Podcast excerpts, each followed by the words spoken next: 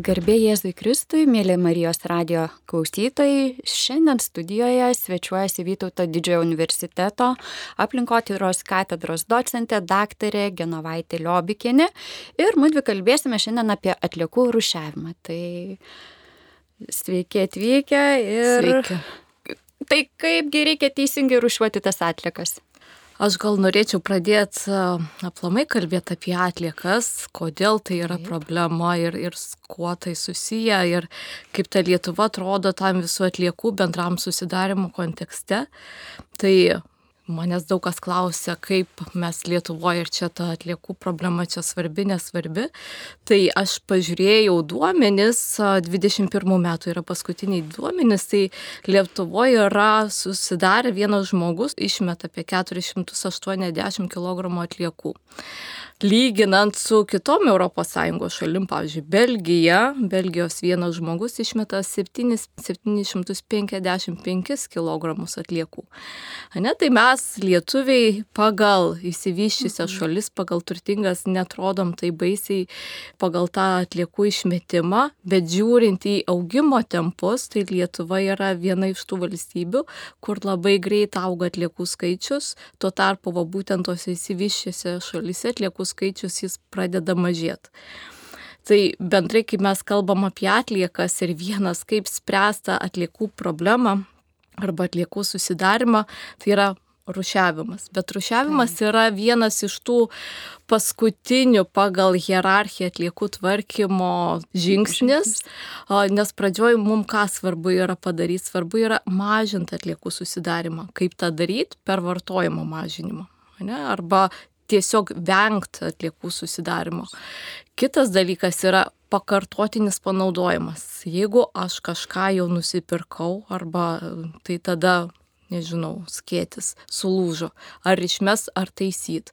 Tai dar pabandom taisyti, aišku, šitos tendencijos Lietuvoje, tas vadinamas pakartotinis panaudojimas tų produktų yra labai žemas, lygis žemas palyginant su kitom ES mhm. šalim, nes mes tikriausiai perkam nelabai kokybiškus daiktus, nes jie yra dažniausiai pigesni ir po to yra lengviau išmesti tai, kas nupirkta pigiai, negu vėl jį taisyti, investuoti tą dalyką.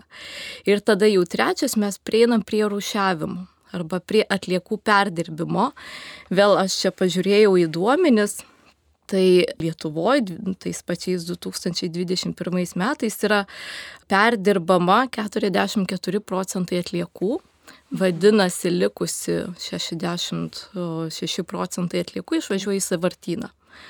Tai mūsų tos tendencijos arba tie tikslai pasiekti 70 procentų, kad bent jau būtų perdirbama, yra dar labai ambicingas tikslas, bet va, mes tą ir, ir darom ir skatinam tą atliekų rušiavimą, vien tam, kad tos atliekos vėl galėtų būti papildomas šaltinis, kitom nu, vėl papildomi ištekliai tai pačiai gamybai ir vėl, kad mes įspręstumėm tą pačią atliekų augimo tendencija Lietuvoje, kas nu, nėra tikrai palanku mhm. ir tikriausiai kas tą paskatina, aš studentam labai dažnai rodau tuos filmukus, um, kur rodo, pavyzdžiui, Filipinai, ne, kur užpildyti atliekų ten ir tie jūros, plastikoje ir, ir panašiai.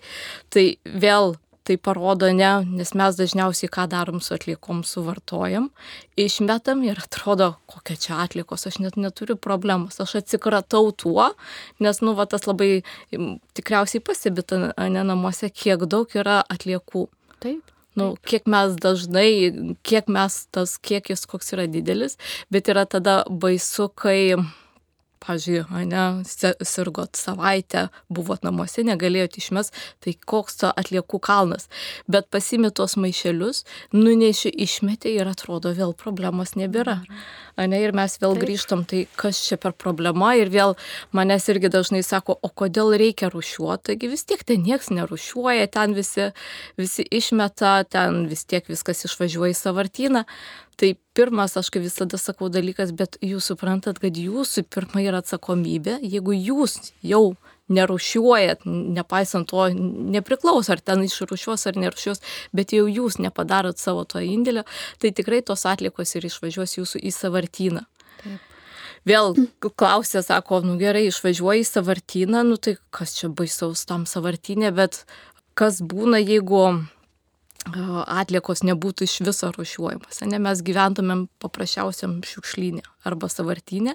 Ir vėl, kaip mes tas atliekas nerušiuom ir viskas išvažiuoja į savartynus, tai tos visos medžiagos, kas ten buvo, įėję į tas atliekas, mikroplastikai, cheminės medžiagos, viskas sugrįžta į tą pačią gamtą.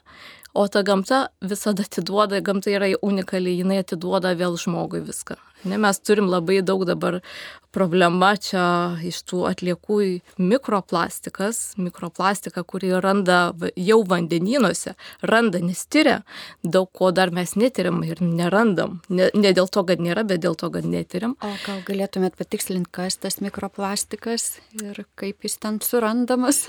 Mokslininkai tiesiog tyrinėjo ir žuvis, ir, ir patį vandenį, ir, ir tiesiog nustatinėjo, kokios medžiagos ten yra, nes mhm. pagal maisto grandinę kas yra išmetama vis tiek yra kaupėsi, kaip ir švinas buvo, ne vienas iš tų pavyzdžių prie degaliūnė, ne, augalai kaupia šviną ir tas švinas užsilieka augaluose ir mes per augalus mes žmonės jį suvalgom ir jis kaupėsi pas mus. Tai su mikroplastiku yra lygiai tas pats, mikroplastikas yra va vienas iš tų, aišku, plastikinių atliekų problemų, nes, sakom gerai, plastikas neįra ilgai. Ne, nu, stiklas ten iš viso ten per ilgą laiką suyra, popierius greičiau. Plastikas yra tas, kuris yra gana ilgai, bet jisai yra. Ir iš plastiko pasidaro mikroplastikai, tai. kurie nueina į tą gamtą per vandens sroves, per išplauna į gruntinius vandenis, viskas nuteka į vandenynus, šitos visos atliekos. Ir mikroplastiko, jeigu jau randa žuvise kaupiantis, mes valgom tą patį žuvį ir mes suvalgom tą patį mikroplastiką, kur sunku pamatyti. Ne? Mes jau dažnai matom, kaip paukščiai valgo plastikus. Aš net um, pasidalinau tokią nuotrauką, buvau pas mamą kaime ir pamačiau lizdą, paukščio lizdą iš plastiko. Iš plastiko siūlų surinktas. Tai vadinasi, toj teritorijai buvo tiek plastiko siūlų, kad paukštis nesupranta, jis, jam šiaudas, tai koks skirtumas ar plastikas, jis nėra tas, kuris galėtų atpažinti, kas plastikas, kas natūrali medžiaga. Ir jisai iš to plastiko savo lizdelis pasidarė. Tai vėl gamta neatsirenka, kas yra tikra, kas yra natūralu, mes tą galim padaryti, bet čia va vėl būtent ateina iš tų atliekų rušiavimą arba nerušiavimą, jeigu mes daug plastiko neišrušiuojam ir išmetam į tuos bendrus savartynus, kas viskas išvažiuoja ir viskas pasilieka yra ir atsiranda toj pačioj mūsų gamtoj ir iš gamtos mes vėl gaunam atgal tą savo gėrį, kurį mes išmetėm ir apie kurį net negalvojam, kad tai kažkas yra negerai, kažkas yra. Tai sakau, gamta yra toks geras sutvėrimas, kad ir žmogus yra toks, kad bet kokiu atveju mes gausim atgal. Nepaisant to, kad atrodo, kas čia tokio, maišelis, du maišeliai, penki maišeliai, dešimt maišelių, nu kuo toliau, tuo daugiau, bet aš išmetu ir aš apie tai net negalvoju. Apie žalą. Apie žalą. Galbūt net nežino žmonės tiesiog, na, ta informacijos galbūt stoka informacijos toka, bet gal ir to supratimo ir atsakomybės savo prisėmimo, nes aš irgi dažnai mes kaip kalbam apie tas pačias atliekas arba apie oro taršą, tai vis klausime žmonių, ne, kas yra atsakingi už tas problemas. Taip. Ir mes dažniausiai suskirstomi keturias kategorijas - valdžia, pramonė, žmogus ir nevyriausybinės organizacijos. Tai spėkit, ką žmonės, kam dažniausia atsakomybė? Valdžia. Valdžia ir pramonė. Nes va šitos dvi kategorijos labiausiai yra atsakingos už bet kokias aplinkos problemas, tame tarpe ir už atliekų susidarimą. Ir po to vėl klausim, o tai jūsų tada kokia atsakomybė, tai tik apie 20 procentų sako, kad taip aš suprantu savo atsakomybę, kad ir aš prie tai prisidedu. Bet iš kitos pusės, žiūrint, ne, aišku, vėl valdžia, kas renka, mes renkam, taip. tai mes atsakingi ne už tai, ką išrinkom ir valdžioje esam tie patys žmonės ir ten žmonės žmonės ir mes žmonės. Su pramonė irgi yra lygiai tas pats. Mes dažniausiai sakom, nu tai kad pramonė mums nieko nepasiūlo. Ne? Jeigu, jeigu duoda tas plastikinės pakuotės, nu tai reikia pirkti, nes nu kitaip nėra. Ne? Bet vartotojas va čia nesupranta savo tos jėgos arba savo to spaudimo pramoniai, kad mes nepirkdami būtent šito mes galim pramonę spaust, kad jinai keistų savo gamybos būdus. Čia mes, kaip kalbam apie ekologiškus produktus, ne, kur irgi turėtų tie ekologiški produktai būti draugiškesni aplinkai, mes turėtumėm, jeigu labiau pirkti juos, tai pramonė, matydama mūsų poreikį, turėtų daugiau, o ne gaminti būtent tuos produktus, o ne tuos, kur, me, kur yra daug žalingesni arba kurie net po to atsigrėžia mm, žmonėm. Aišku, vėl taip, aš sutinku su informacija, kad tai iš kur ateina tas atsakomybės neprisėmimas savo. Tai aišku, visų pirma, mes suprantam, kad mes esam tik labai mažas striktelis, Ne, tai mano atliekos, nu, 480 kg per metus. Nu, tai kas čia tokio, tai čia, žinot, mažiau tiek kilogramų ar, ar daugiau tiek kilogramų. Bet bendrai žiūrint, ne, aš, mano vaikai, mano artimieji, jeigu mes va tą krūvą didinam, didinam, tai tas indėlis mūsų yra didelis ir nu, vis pastoviai mes turim apie tai galvoti. Skaičiau jūsų vieną straipsnį ir tikrai užstrigo labai graži tokia, išliko idėja, kad jeigu mes rinktumėmės kompiuterį žinodami, kad jis sudarytas kažkaip iš mažiau tiršių detalių, tai mes jau prisidėtumėm jį pirkdami, negu ten kažkokios kitokios sudėties ir kad, na, mes esam tie vartotojai ir mes, vat, kaip jūs ir minite, turime rinktis tai, sąmoningai žiūrėti, pirkdami, domėtis ir tai yra viena iš pradžių turbūt, ar ne? Taip, viena iš pradžių. Viskas prasideda nuo mano pirkimo ir, aišku, vėl nuo mano pasakymo, ar man to reikia ar ne. Čia visada mes grįžtam apie ką bekalbėdami, ar apie klimato kaitą, apie atlikas, apie taršas įvairias oro, vandens, mes grįžtam prie to pačio vartojimo. Ne, nes vartojimas labiausiai lemia va, šitas problemas aplinkosauginės ir vėl mes grįžtam prie to, ne, ar man to reikia. Nes vartojimas auga labai greitai, ypatingai tokiose šalise kaip Lietuva, kur ekonomika auga, mūsų gerbuvis auga ir čia vartojimo augimas yra labai stiprus ir labai greitas. Ir ką tai lemia? Tai lemia tas ypatingai atliekų susidarimą. Aš net savo vienam į straipsnių analizavo, kaip priklauso BVP ir mhm. atliekų susidarimas. Ir mes radom, kad yra ryšys. Kuo šalis turtingesnė, tuo atliekų skaičius, susidarimo skaičius yra didesnis. Ką tai rodo? Tai rodo, ne, kad mes lietuviai nu, vis tiek ekonomika tikimės ir toliau auks, mes vis vystysimės, bet atliekų problema ir toliau auks. Tai jeigu mes jų nerušiuosim, mes grįšim prie to, ne, kad mes kaupsim tas atliekas, vešim į savartynus, kelsim kitas problemas, kai vietoj to mes galėtumėm tas atliekas išrušiuot, vėl tas medžiagas skirt, nu, kaip išteklius kitiem produktam, kad tas vartojimas auktų, mes vėl kaip kalbam apie darnų tausų vartojimą, tai dažniausiai aš dažnai akcentuoju, sakau, tai nereiškia, kad mes negalim arba turim mažinti vartojimą arba visai nustot vartot. Mes turim vartot, mes esam vartotojai. Tiesiog mūsų prigimtis yra maistas, mes vartojimą, ne, net va ir čia šilta, mes jau vartojam tą energiją šilumai sukurt, bet mes turim vartot atsakingai, galvodami apie aplinką, ne, ar man to reikia, ar, o gal aš galiu kažką pataupyti. Tai čia su atliekom tas yra ypatingai svarbu. Gerai, tai kaipgi reikia tuomet teisingai, taisyklingai rušiuoti tas mūsų atliekas, nuo ko pradėti?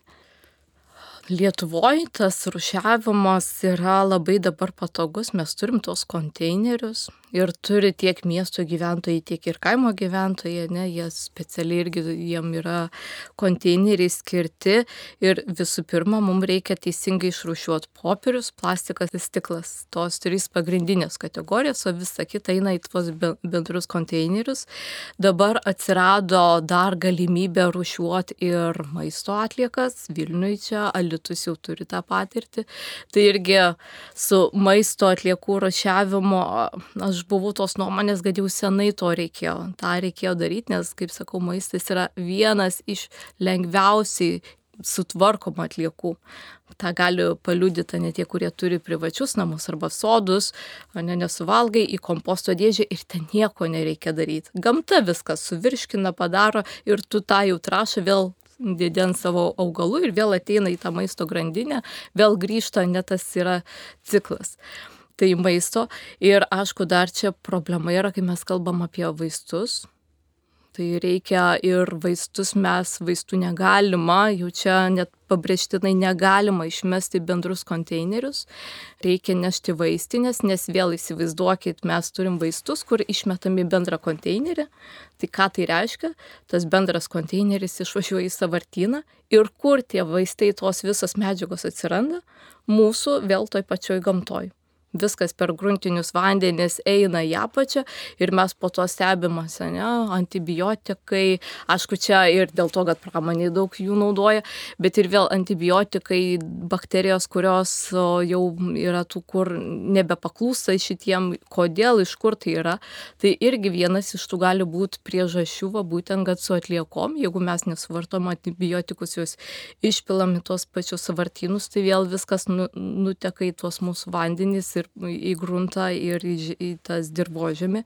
Ir vėl mes gaunam per aplinkui tą patį, ne, iš šito, tai reikia tinkamai vaistus rušiuoti. Po to yra tos pavojingos vadinamos atliekos, tai baterijos, akumuliatoriai, visi tie prietaisai, kur radija sugedo, ką daryti, tai juos irgi negalima mesti tuos bendrus konteinerius, nes ten yra vėl labai daug pavojingų medžiagų, toksinių net medžiagų, kas vėl nu, kad nepatektų į tą mūsų aplinką.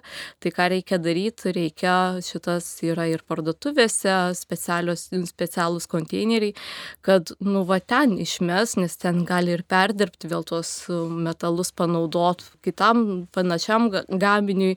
Gal net bus tie, kurie dalis išsirinks, jeigu reikia kažkam. Tai visų pirma, rušiuoti kiek galima daugiau ir kiek galima kokybiškiau. Vėl, aišku. O kas tai yra ta kokybė? Dažnai mes net ir namuose praktiką, ne, su vaikais, suvalgėm ten kažkokį kefyrą, išgėrėm tą indelį, ką daryti su tuo indėliu, kur įdėt. Lik plastikas, lik popierius, kur į plastiką mes ar į popierių, išplaut, neišplaut, vėl čia su tais išplavimais, neišplavimais yra Čia nuo gamybininkų ir, ir nuo to rušiuotojų labai priklauso. Aišku, reikėtų išplauti, bet ir tie, kurie rušiuoja, sako, nieko tokio, kad ir neišplauta. Nu, nu, ten nėra, nes vis tiek ten perplauna. Aišku, kodėl reikėtų išplauti, kad neusiterštų tom maisto atliekom, nes vėl tas maistas, jisai yra, jis ardo tas visas ir, ir nėra tas gerai, tai aišku, geriau išplauti, bet kad ir jeigu neišplauta, tai nėra tokia problema, svarbu rušiuokit. Svarbu tik, tik rušiuokit vien tam, kad, kaip sakau, tos atliekos ne, neįeitų į tos bendrus konteinerius. Ir vėl kokybiškai rušiuot arba tvarkingai rušiuot, kad, nu, tikrai atskirt tuos pasiskaityti ir yra ant konteinerių tos informacijos, kad nemesti popieriaus konteinerį būtent kažkokiu ten spalvotų, blizgančių ten pakuočių kokiu nors. O geriausiai tai iš viso to tokių net nepirkt, ne, jeigu tu net nežinai, kaip jas išrušiuoti, tai jau geriau rinkis tą popierių, paprastą popierių, dabar tos pakuotės yra, mm, jau yra ta pasiūla, kad mes galim tikrai pasirinkti. O jeigu jau prisipirkau tų kalėdinių blizgučių, priviniojau dovanų, tai kur dabar mano lūpus jas dėti? Aš dažniausiai, jeigu jau nežinau, tai metu į plastiko konteinerį, kaip sakau, atsirinks Nes man svarbu yra, kad aš padarau tiek, kiek aš suprantu. Ne? O po to jau tie, kurie perdirba, tai tegu ir atsirenka, negu mes į tą bendrą. Aišku, yra tas, nu, nežinau, įmetu į bendrą, bet sumesdami viską į bendrą mes turim žinot, kad tai keliauja į savartyną. Bendrų atliekų nieks nerušiuoja nes nu, tai yra ir per didelis darbas, ir, ir per didelis, jūs įsivaizduokite, ten į tos bendrus, tai ten viskas patenka, ne? Nuo, nuo hygieninio ten kokiu nors dalykų į maisto ir, ir visų kitų. Ne, tai ten nieks nerušiuoja, tiesiai važiuoja į savartyną. Tai jau geriau aš išrušiuosiu, kad ir netinkamai, bet kad bent būtų jau ten perrušiuota, negu sumesti tuos bendrus. Aišku, vėl ta, ką mes išrušiuojam, yra tiesa ir čia vėl sako, taigi viskas ten vis tiek, ten niekas nieko nerušiuoja, niekas nieko neperdirba, viskas ten vis tiek važiuoja į savartyną, bet ką jie daro, tai jie perrušiuoja tai, ką mes išrušiavom, tam, kad būtų dar tinkamai, ne, nes vėl negalima perdirbti bet kokio plastiko, jie tik tam tikrą plastiko dalį gali perdirbti, to, kurio neperdirba, jie veža degint.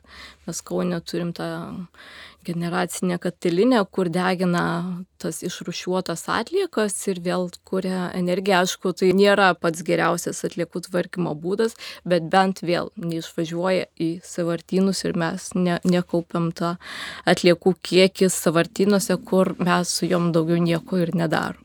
O tai gal, sakykime, Lietuvoje deginimas ar net tų atliekų, kurios netinkamos jau ir išrušiuotos netgi, o gal patirties kažkur pasaulyje yra kitokios, gal mums kažkaip ir čia reiktų pasistiepti ir, na, nebūtinai tą deginimą vežti, kas suprantu iš jūsų irgi kenkia.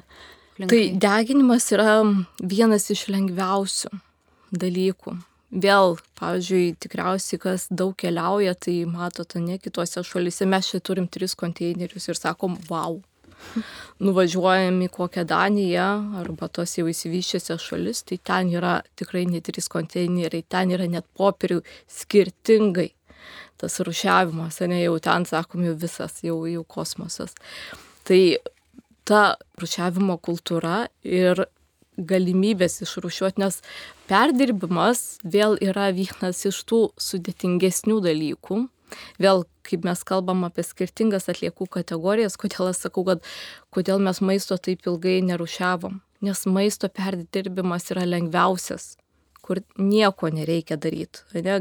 Kaip sakau, maistas yra ta gamta, kuri viską nusutvarko. Aišku, ten reikia irgi žinoti ir mesti tuos maisto kompostą tai, ką jūs mestumėt savo soduose. Nemeskit jokių vėl vaistų, nes tą darydami supraskit, kad ką jūs išmetate ten, greičiausiai tai grįž pas jūs per trašas, per augalus tiesiai jum vėl atgal, ne?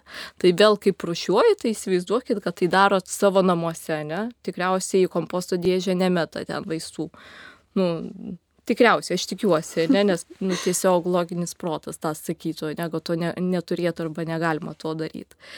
Tai po to plastiko perdirbimas jisai yra labai sudėtingas ir yra netyrimų padarytų, kad pagaminti plastiką yra lengviau negu jį perdirbti daugiau medžiagų, resursų tam reikia. Bet vėl čia tam, kad mes nenaudotumėm to plastiko, ne, nu, tai tada mes jį perdirbamam ir sunaudojam daugiau energijos, bet jį perdirbam. Aišku, dabar mes einam prie tų alternatyvų ir gamybininkai, ir valdžia skatina ir ypatingai Europos Sąjunga dabar ne atsisakyti visai plastiko, pakuočių. kas yra ir paku, ypatingai tai pakuočių, kas yra labai sveikintina, bet labai sudėtinga, nes mūsų įpročiai yra labai gajus ir mes be plastiko tiesiog tikriausiai nei vienas dabar neįsivaizduojam savo gyvenimo. Kas būtų, jeigu dinktų plastikas? Ne, tikriausiai visi net nebežinotumėm, ką į kur dėti ir, ir kaip čia pakuoti ir kaip čia dabar ta, tuos produktus persinešti. Bet yra tas labai gerai, kad tai yra žingsnis po žingsnio daroma. Pavyzdžiui, ne, jūs pastebėjot, kad um, iš parduotuvių dingo, va tie beveik dingo maksimos maišeliai. Taip. Nu, tie tradiciniai, ne, maksimos iki maišelį, kad žmonės labai jau dabar nešam ką daug savo, daug kartinius. Nes šitie maksimos maišeliai daug kainavo, jie greit plyšo, nebuvo naudingi. Tai mes jau perėjom mane, jau mažinam va, šitoj labai mažoj kategorijai. Dabar apmokestino maišelius parduotuvėse.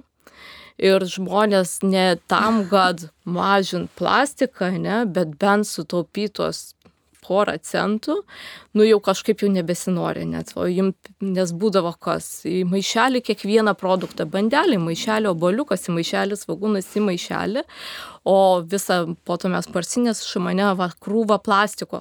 Dabar tą plastiką, sako, mes apmokestinam ir aš manau, kad jau daug kam pasikeičia irgi va tas, kad pagalvoju, o gal man nereikia, ne? Nu, pamiršau pasimti savo maišelį, bet, nu, nenoriu tų centų leisti, gal aš bananą nedėsiu maišelio, va taip niekam ta, niekas tam taip. bananui nenutiks, ne? Arba ten oboliui, česnakų galveliai, dar kažką mane.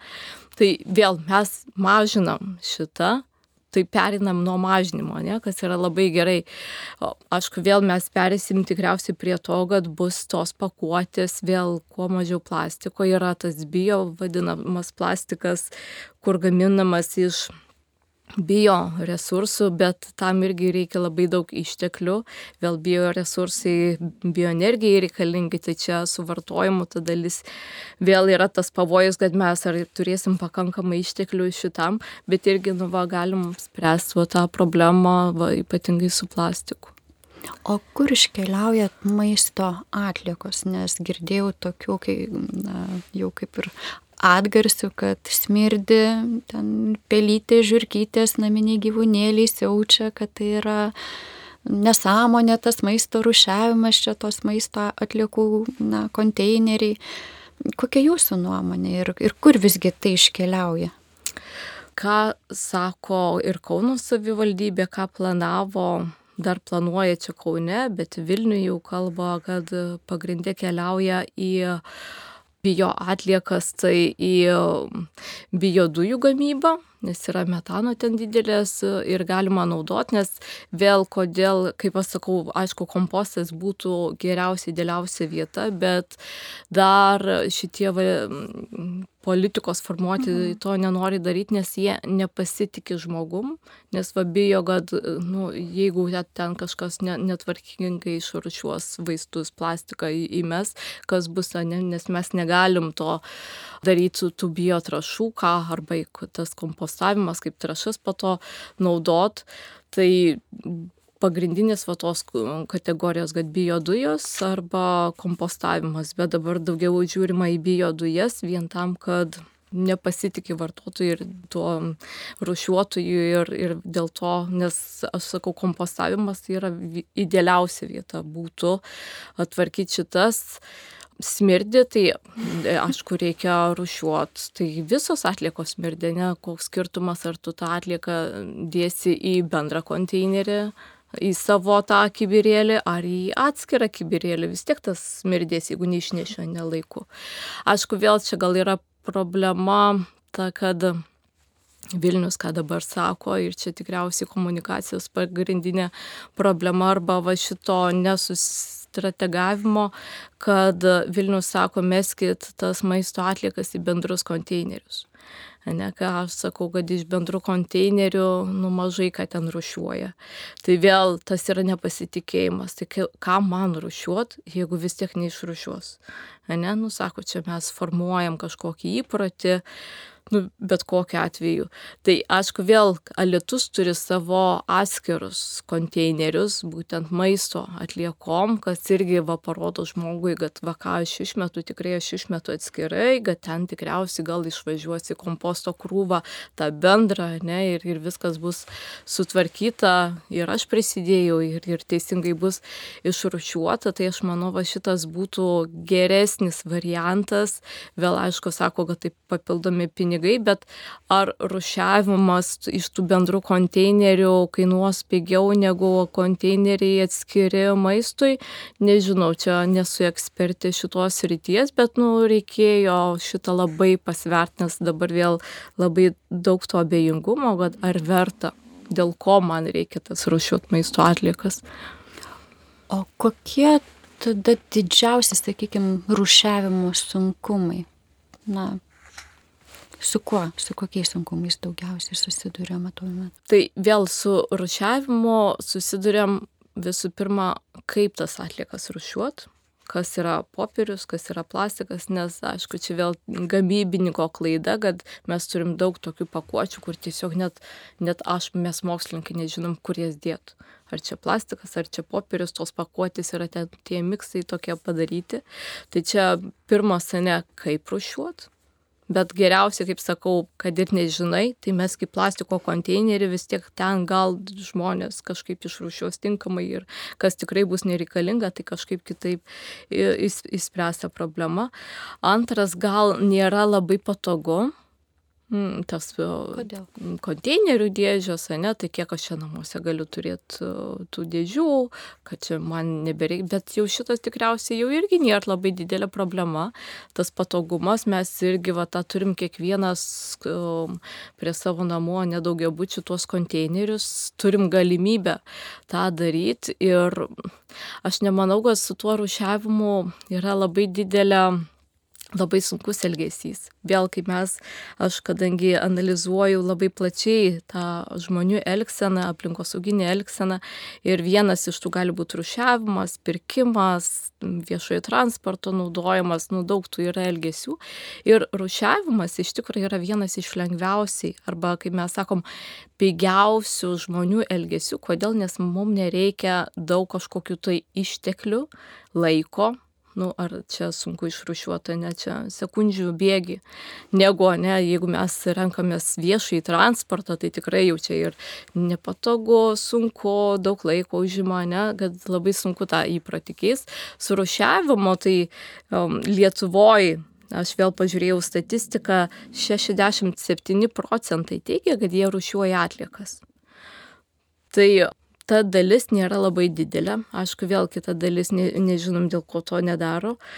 Vėl mes tyriam, kas tai gali lemti, ne? Mes klausiam, kas jūs paskatintų rušiuoti. Tai buvo trys dalykai - informacijos teikimas, patogumas, tai yra keturi finansiniai dalykai ir socialiniai dalykai nu, keturi dalykai, kas žmogų dažniausiai motivuoja rušiuot, tai ar tai finansinė nauda kažkokia, ar informacijos, kad jie turi gal per mažai informacijos, patogumas, tai gal jiem nepatogu, gal ten konteinerio dėžės, ten labai toli nešt. Ir socialiniai dalykai, tai ir mano artimieji tą daro, ar, ar draugai, nes tas socialinis spaudimas yra labai svarbus. Tai įdomu, kad iš tų visų veiksnių, ką mes radome, ne, kad pagrindė pažymėjo informacijos svarbą, kad jiem reikia informacijos ir finansiniai dalykai. Nu, kad juos tai motivuotų, pavyzdžiui, atpiktų atliekų ten tvarkymo tie kaštai žmonėm, mokestinė ta dalis.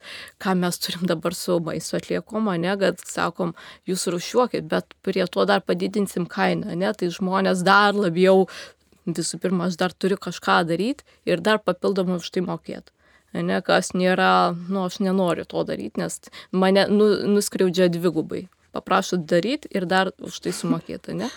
Tai čia minusas, bet mes po to panalizavom, o kas iš tikro veikia, nes mes sakom, nu įsivaizduokit, dabar yra dabartinė situacija, va yra ta patogumas ar informacijos. Tai įdomu tai, kad informacijos svarba, žmonės jau jie kiek turi informacijos, jų nemotivuoja rušiuoti tiem jau užtenka tos informacijos, tas neprisideda ir žmonės tie, kurie neturi informacijos ar turi daug informacijos, jie elgesi panašiai. Bet čia įdomus dalykas yra patogumas kad jiems svarbu tas patogumas.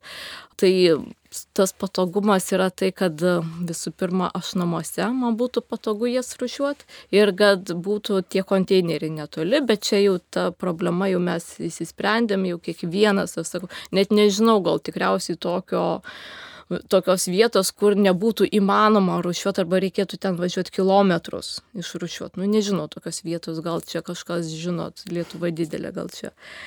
Tai patogumas svarbu ir socialiniai aspektai, va tą, ką mano aplinka daro ar mano draugai rušiuoja, ar mano šeima rušiuoja, ar tėvai rušiuoja, ar vaikai rušiuoja, kodėl yra labai dabar skatinimas švietimas per darželius, tai vien tam, kad vaikai mokytų tėvus rušiuoti. Atvirkščiai.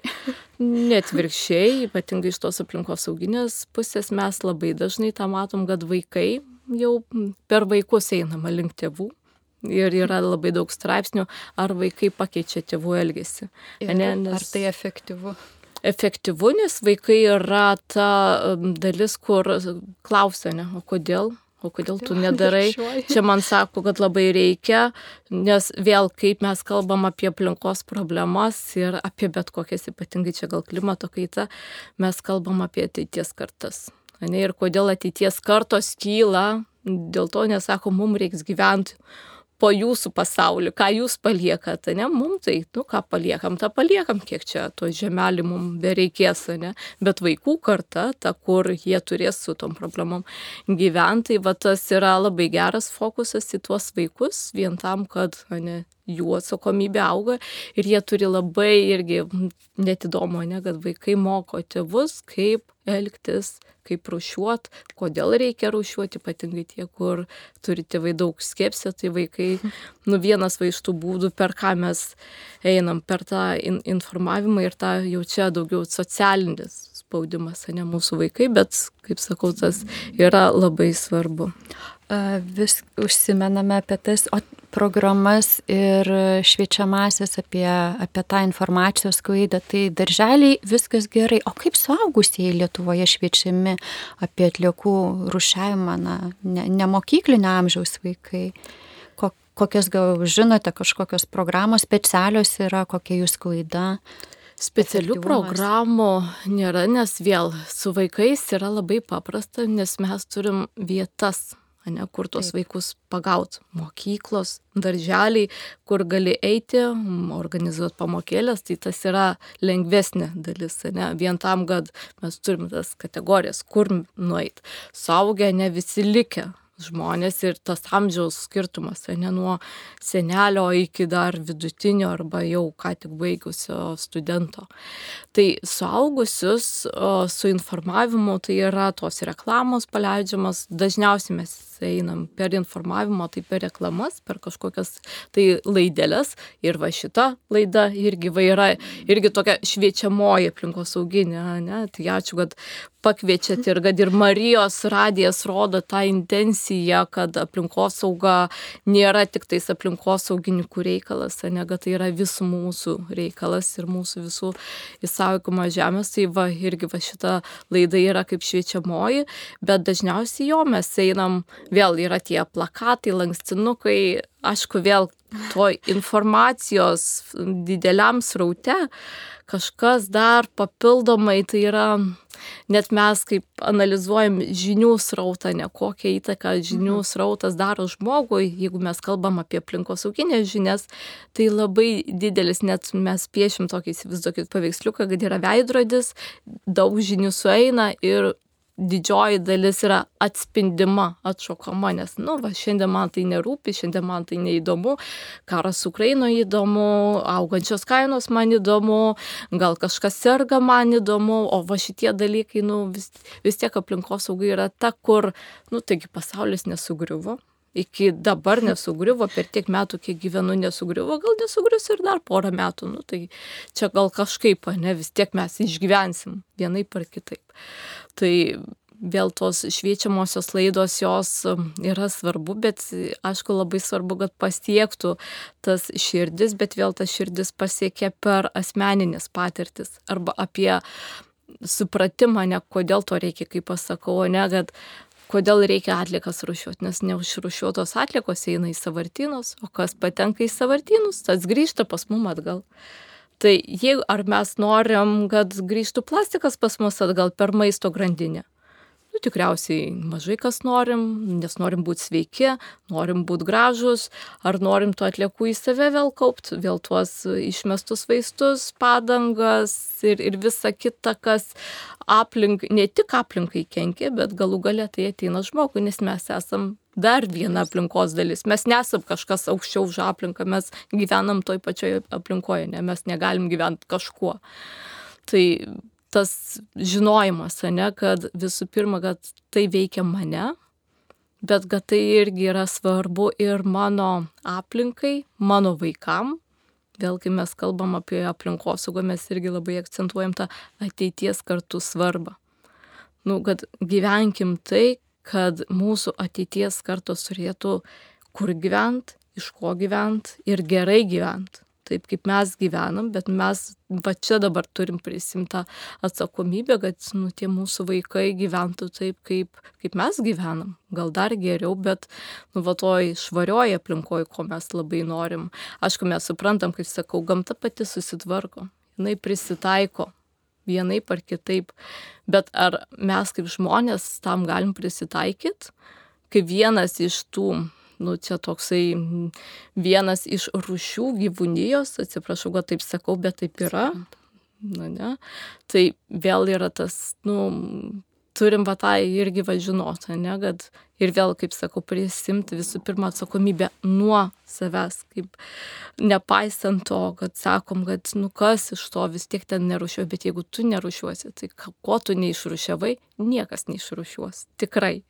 Tai jeigu tu nuo savęs nepadarai to, atsakomybės, ypatingai, ne čia vis tiek Marijos radijai klauso katalikai, ne, kur, kur nu, tas tikėjimo aspektas arba tas, nu, va, kodėl to reikia, ne, mano atsakomybės, kad, nu, tai nėra gerai, ko aš nepadarau. Ne, man nereikia, kad aš nedarau to, to, to, bet ir tai, ko nepadarau, gero, tas pasirušiavimas irgi yra vienas iš tų, tai vėl yra mano atsakomybė, kad aš kažką netai padarau, kad aš galiu padaryti bent šiek tiek geriau, kas priklauso nuo manęs. Suprantu. O gal kažkokiu turite, pastebite gražių rušiavimo atliekų pavyzdžių Lietuvoje? Kas yra teigiama ir kas džiugina, kad atliekų rušiavimo tendencijos auga Lietuvoje. Čia mes su doktorantė darėm tyrimą nuo 17 metų iki 22 metų, tai atliekų rušiavimas nuo to mūsų 60 procentų išaugo iki 72 procentų. Ne, tai jau teigiamas ir labai geras dalykas tai, kad auga tas rušiavimo bent tendencijos, bent žmonės sako, kad taip, aš rušiuoju bent vieną iš tų atliekų, kur ten yra sužymėtos. Tai šitas yra labai gera tendencija, aišku, labai gera yra tendencija, kad plečiasi tos atliekų kategorijos išrušiuotos. Nu, aš labai laukiu to, kada mes galų gale galėsim rušiuoti maistą. Kaip maisto, kas turėtų būti? Be maisto Tai aš vėl, maistas yra, kaip sakau, lengviausia ta dalis rušiavimo iš sutvarkytas atlikas, ne maisto yra lengviausiai, tai tas yra labai gerai, kad mes dar išimam dalį iš bendro konteinerio tų atliekų, kas galėtų pereiti į, į tą rušiavimą. Aišku, vėl um, kaip grįžtų vėl prie to, kad rušiavimas yra labai gerai, bet vis tiek mums yra svarbiausiai vengti atliekų susidarimo kas būtų vėl rušiavimą, tai kad rušiuotumėm, kad būtų galimybė neišrušiuoti vienas popieriaus rūšį, kito popieriaus rūšį, trečią, tai aišku padėtų pačiam rušiavimo procese, perdirbimo procese, bet vėl čia žmogui dar uždeda dar daugiau vargo ne, kad čia ne, ne tik popieriaus konteineris, bet dar popieriukai skirtingi į tas skirtingas, tai būtų dar kokybiškesnis, bet Lietuva tikriausiai mes dar einam link to, aišku, va tie finansiniai dalykai, net ir aš, aš kalbu ne kaip dabar aplinkosaugininkė, bet kaip pilietė, ne, tai irgi, va tas, kaip aš sakau, su maisto rušiavimu, mes taigi rušiuojam ir aš suprantu, kad tos mano atlikos taigi nueina į kompostą, tai gal galiu tas atlikas kažkaip savo per trašas kažkokias, nu vis tiek gal ten kokį pomidorą pasodinsiu ar, ar dar kažkas, nu kad va tą naudą žmonės suprastų, to naudą fiziškai. Aišku, to padaryti yra labai sunku ir vėl, kaip mes kalbam, sakom, gal paskatintų baudos, nu, kas čia labai yra plačiai, nenori pakeisti žmonės, tai bausk. Nu, per baudas tas neigiamas tas finansinis, ne, kad aš negaunu naudos, bet aš tada gaunu baudą už, už kažką. Kad tai daryti yra labai sudėtinga, nes mes kaip rušiuojam, mes nesam kaip vartotojai kažkokie, ne, mes visi metam į tą bendrą, nieks ten neiškelia ir nesako, o, liobikienės maišelis, kur ta vakas atsakingas už tas netvarkingai išrušiuotas, ne? To nėra, tai vėl su tom baudom to taikymo, bet aš daugiau norėčiau, kad ta skatinamoji pusė, ta padrasinimo pusė būtų stipresnė va, va šitoj srity. Vaikus, kodėl lengva ten juos saugdyti, rušiuoti, nes jie gauna apdovanojimus už tai, ne? Tvarkingai išrašavai tau saldainis, nes aš žinau, kuris ten. Ne. Su saugusiais tai yra sunku padaryti, bet vėl, kad būtų gerai, kad net ir va tokie dalykai, bet kokie aplinkosauginiai dalykai, jie būtų kažkiek tai gal net subsidijuojami pavyzdžiui, mes čia šiek tiek nukryp, nukrypstant, mes vartojimas, ne, kalbėjom apie ekologišką, apie aplinkai palankų, nepalankų. Nu, kodėl žmonės neperka tą ekologišką duoną negu arba ten kokią žuvenę? Nes kainų skirtumas yra labai didelis. Ir tiesiog aš gal norėčiau, bet man, nu, sunku Arba aš turiu nuo kažko atsisakyti, kad skirt šitam, tai labai dažnai mm, ir rašydami straipsnius ir, ir darydami pranešimus mes kalbam, kad valstybė turėtų galvoti apie tai, gal subsidijuotas vietas, ne? kad vietoj to, kad mes prestumėm aplinkos problemas ir leistumėm tam pinigus, mes galėtumėm va tą dalį skirt mm, vartotojui ir va kažkaip nu va sakyti, bet va tau nu, palengvinsiu, tave paskatinsiu, tau saldainį duosiu, kas yra, nu, smagu tikriausiai kiekvienam smagiau saldainį gauti, negu, negu kažkokį pipirą gauti. Tai va tie saldainiai va būtų tas labai gerai, nu, tas labai skatintų žmonės ir, ir, ir keistis ir, ir kažką geriau daryti. Aišku, čia gal ateity, nežinau, kitų šalių praktikos, kitos šalis irgi daugiau eina per tas baudas, netvarkingai išrušiavai, tai ten kaimynas pasakys, kad tu netvarkingai gausi baudą, tas, nu, va, sukūrimas kažkokio nepasitikėjimo arba kontroliavimo, kažkokia tai kultūra, kas, nu, vienur veikia. Ar aš norėčiau, kad man tai būtų, kaip sakau, tas socialinis aspektas yra žmonėms svarbus, ne, mums veikia aplinka, ką kaimynai pasakys, jeigu aš ten kažką nešu, ne taip, aišku, vėl mes nešam maišeliuose, ten niekas nemato, ar ten mes tvarkingai, netvarkingai, ar ten tris maišus į tą bendrą konteinerį, arba ten net matai fiziškai, negad neša popierius į tą bendrą konteinerį, tu ten gali nueiti, sakyti, atsiprašau, aišku, ten būna jau po laiko ši, šitie dalykai, tai tas socialinis spaudimas, bet vis tiek man norisi to per tą gražų, nu tam paskatinimo prizmę į, į tą žiūrėti.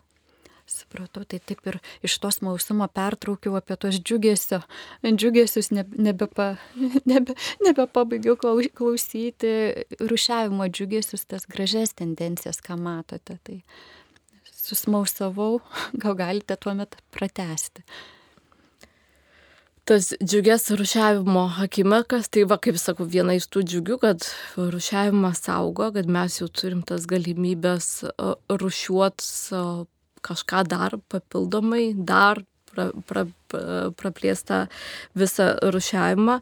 Iš kitos pusės vėl kas džiugina, kad įsitraukia gal daugiau ir, ir tų, aišku, vėl kai mes analizuojam va ir tas skirtingas kartas, tai jaunimas yra va toj srity labai aktyvus, aišku, ir tas senyvo amžiaus, nes rušiavimas yra įprotinis dalykas, tam reikia įprotį formuoti, o tuos įpročius nelengva pakeisti, nes įpročiai kartais ir, ir ta nauda. Aišku, vėl gal irgi būtų labai gerai um, kažkokias vėl paleisti laidelės ir iš tų pačių rušiavimo kažkokių objektų, negatos atlikos. Tikrai rušiuojamas, kad, nu, va, kokia nauda, nes mes ir mokslininkai nedažnai va ieškoma, ne, tai kokia nauda, tai kiek tų atliekų sugrįžta va į mūsų tą gamybą, kaip vėl naujas išteklius, kur galima vėl jį naudot, gamybai toliau skatinti ir tam vartojimui skatinti, tai tas procentas yra labai nedidelis, bet vėl kaip mes mokslininkai duomenų paieškoj, mes gaištam laiką, bet vartotojui kažkaip irgi būtų, manau, smagu ir kad vartotojas gautų tą grįžtamą į ryšį, kad ką jis daro, kad tai yra Taip. teisinga ir, ir kad tai yra naudinga, nes, va, žiūrėkit, jūsų atliekų va, bendras tas dalis va, prisidėjo prie to, kad mes galim dar kažką vėl naujo gaminti arba kažką pergaminti. Bet nu, visada aš kaip kalbu apie atliekas, tai aš, aš linkusi tą, kad kaip sakau, rušiavimas yra jau trečias žingsnelis, po to deginimas ir išmetimas į savartynus, tai, nu, tą pasiek dar tą viršą, ne, kad pakartotinai panaudot. Irgi teigiamas ir džiugus dalykas, kad žmonės jau pradeda suprast, kad verta pakartotinis. Buvo tas laikas, ne, kad žmonės tiesiog neverta panaudot pakartotinai arba neverta taisyti, arba čia buvo kategorija tik senų žmonių, kur mes gyvenom to, kur tie žmonės gyveno tais laikais, kur nebuvo daug ko, ne, tai vis tiek reikia tada taisyti batus per gerus, kur ne sezoną atlaikytų, o 10-20 metų ir dar dabar tikriausiai daug kas turi tokius batus, kur ne kiek jau laiko atlaiko. Tai manau, kad tas irgi pabiškai keičiasi, va, nes buvo tas laikotarpis, ne, kad nusipirko, suplyšo greitai, dabar vis tiek mes žiūrim gal daugiau pirkdami į kokybę, norim vėl to kokybiško dalyko, vėl teigiamas ir labai džiugus dalykas, kad ES jau irgi žiūri į, kad kiekvienas daiktas pagaminamas bus informacija, kurį galima pataisyti, kad jis būtų kuo ilgamžiškesnis, net įpareigoja gamybininką nes vartotojai, tai mes vis tiek nu, prie ko grįžtam, prie tos pačios kainos. Nesuprantam, jeigu geras daiktas, brangus daiktas, ne, pigus, um, nekokybiškas, bet vis tiek nuvabatas, sezoną atlaikys, išmėsiu, nusipirksiu kitą. Nu, tai, bet jau jo, va tas džiugus tikrai dalykas, kad ir, ir prie to gal mes galų gale vėl grįšim prie tų kokybiškų dalykų, kada nu, nebereikės kalbėti apie tas atliekas kaip apie kažkokią problemą.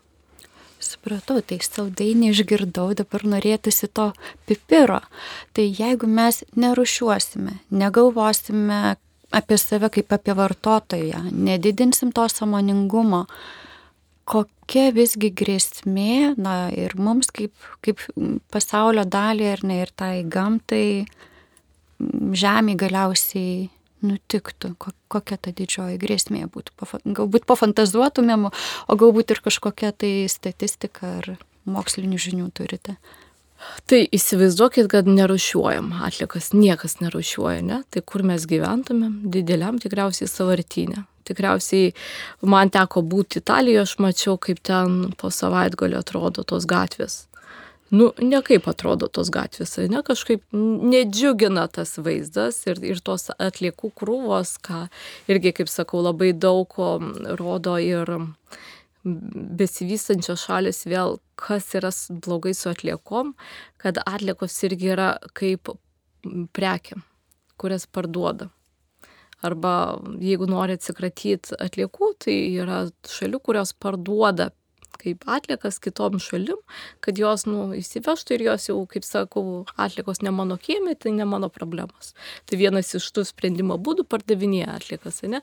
Ir kodėl va, mes matom būtent Filipinuose va tuos plastiko butelių jūras, Ne, atrodo, taigi ten, ką žmonės labai daug to plastiko ar ten tų butelių geria ar kas ten. Tai ne, atliekos yra jau kaip um, prekė ir tos besivystančios šalis, norėdamas daugiau tų pinigėlių užsidirbti, tas atliekas tiesiog kaupia pas save, perka pas save, o po to, nu jau ten, kas yra šiukšlinėliai tokie, kur, kur vėl, tai tas pipiras visų pirma yra tai, kad viskas, kai sakau, grįžta žmogui. Čia gal yra pagrindinis, ne? kad nesvarbu, kad aš nusimetu tą atsakomybę, atlikas išmeta ir jau čia nebe mano problema, jau čia gamta susitvarkys, bet gamta yra tokia, kad gamta gražina kitai gamtai, tai yra man. Per, per tas vėl mikroplastikus, mm, nuodingas medžiagas, ką aš gaunu vėl su maistu į save patį. Tai čia tas pirmas pipiras. Kitas pipiras, kad augant atliekų skaičiui ir augant vartojimui, vėl išteklių vartojimas jis irgi auga. Tie ištekliai, ką mes galėtumėm pasimti iš atliekas, jos perdirbus arba pakartotinai kažkaip panaudojus, mes tos dalies sakom, mums to nereikia, ačiū, mums reikia tada naujų išteklių. Ne, tai vėl neigiamas tai, kad mūsų ištekliai irgi yra riboti bet kokiu atveju, ar mes net ir kaip kalbam apie atsinaujinančius, tos pačios energijos irgi šaltinius, aš sakau, jūs studentai supraskite, kad viskas yra ribota šiam pasauliu. Nepaisant, saulė yra amžina, bet jinai irgi kažkada užges. Čia tas toksai niurusis variantas, bet nu viskas mes, mes turim ir ribotus išteklius, tuos ir plastikui gaminti, tą patį popierių, medieną, tai mes negalim užsisodinti, ne čia begalė medžių, tai tada kur mum gyventi, ne? nes jeigu norim daugiau išteklių turėti, mums reikia daugiau žemės, o ta žemė tik viena, nu negalim padauginti. Dar mokslininkai apie tai negalvoja, jie galvoja, kaip čia gal iš giliau žemės kažką iškas, dar daugiau kišant energijos va tam dalykui. Tai dar, kaip sakau, ne, sveikata, po to tai, kad mes tuos išteklius galima savo panaudoti tą, ką mes jau išmetėm. Ne, kas galėtų būti mums naudinga vėl kalbant apie tą pačią maistą, tas pačias maisto atliekas, tai maisto atliekos yra bio energijai, ką mes galim per vėl per šildymą savo gauti, per energijos tuos papildomus resursus, netrodo va iš to maisto, tai šito mes galim netekti, o va dabar turėtumėm galimybę, jeigu tvarkingai rušiuotumėm ir tvarkytumėm atliekas, tai šitas minusas. O kitas minusas vėl, nu, ta gyvent bendrai šiukšlinė, nesutvarkytam, tai čia ne mūsų prigimtis tikriausiai, mūsų prigimtis yra harmoningoje aplinkoje gyventi, bet kad būtų švaru, gražu, ne, net poreikis yra žmogui. Vaikui gal nėra to poreikio didelio, bet va žmogui ne va tos tvarkos, vėl ar nori matyti kraštovaizdį savartynus, kažkokius savartynų kalnus, ar nori matyti gražius kalnus, taigi vėl tas atliekas, kur mes, nu, ne, aišku, yra šalių arba yra galimybė kast po žemę, po žemėmis, bet, nu, vėl, ar norėsim po to po tais savartynais gyventi, čia vėl, na, ne, ne mano problemos spręskit jūs patys, bet kaip kalba apie mane, o norėtumėt jūs ten gyventi, tai tikriausiai, oi, ne, ne, ne, jau aš tai ten tik, tikrai nenoriu gyventi, ne, tai vėl va tą išvengti šito. O, ir vėl kaip išvengti, tai va tą, ką mes sudarom, kad vėl įeitų į tą ciklą, tą vadinamą žiedinę ekonomiką, kaip, va, sakau, vienas iš gražiausių man tų pavyzdžių yra maisto atlikos, ne, ką suvalgau, kas netiko arba ką išmečiau, vėl į tą patį komposto dėžę, vėl iš tos komposto dėžės į dirbožėmį, vėl tas dirbožėmis vėl duoda man tą savo naudą, man nereikia galvoti apie trašas kažkokias, o, chemikalus, vėl, nu, va, gamta pati įsisprendžia, kaip mes va, tą tvarkingai darom kaip vat su tom, ką gamta čia gali, kaip sakau, jau plastikas jau yra dirbtiniai tie dalykai, kur net gamta pati nesirenka, kas yra natūralu ir kas nenatūralu. Ne ir, ir tai kenkia vėl ne tik mum, bet ir tiem patiem ir biologiniai įvairoviai. Ir, ir mikroplastikas ne tik žmogui pavojingas, bet jis labai pavojingas ir gyvūnam. Ir gyvūnai miršta neprisivalgę to plastiko tiesiog nu, kas yra net natūralu. Ir tai vėl yra kieno atsakomybė. Nu, ne viščiuko, kuris prisilėsi, bet kas papylė, kas už tai atsakingas. Taip. Deja, mūsų pokalbio laikas visiškai baigėsi, tai dėkoju už pokalbį, pasidalintą žinias e, su Marijos radio klausytojais, Vytauto didžiojo universiteto aplinkotyros katedros docentai, daktariai Genovaitai Liobikeniai. Ačiū, kad pakvietėt, ačiū, kad domitės Marijos radijas šitom aktualiom aplinkosauginiam problemom ir kaip jas spręst, o jum, mėly klausytojai, noriu palinkėti geros dienos. Taip pat noriu palinkėti, kad mes visada galvotumėm, ką mes darom, kad mūsų indėlis yra svarbus, pradedant tiek nuo atsikėlimo ryte, nuo nusišypsojimo savo artimui žmogui, iki to, kad prieinu prie atliekų ir jas kokybiškai rušiuoju. Ačiū Jums.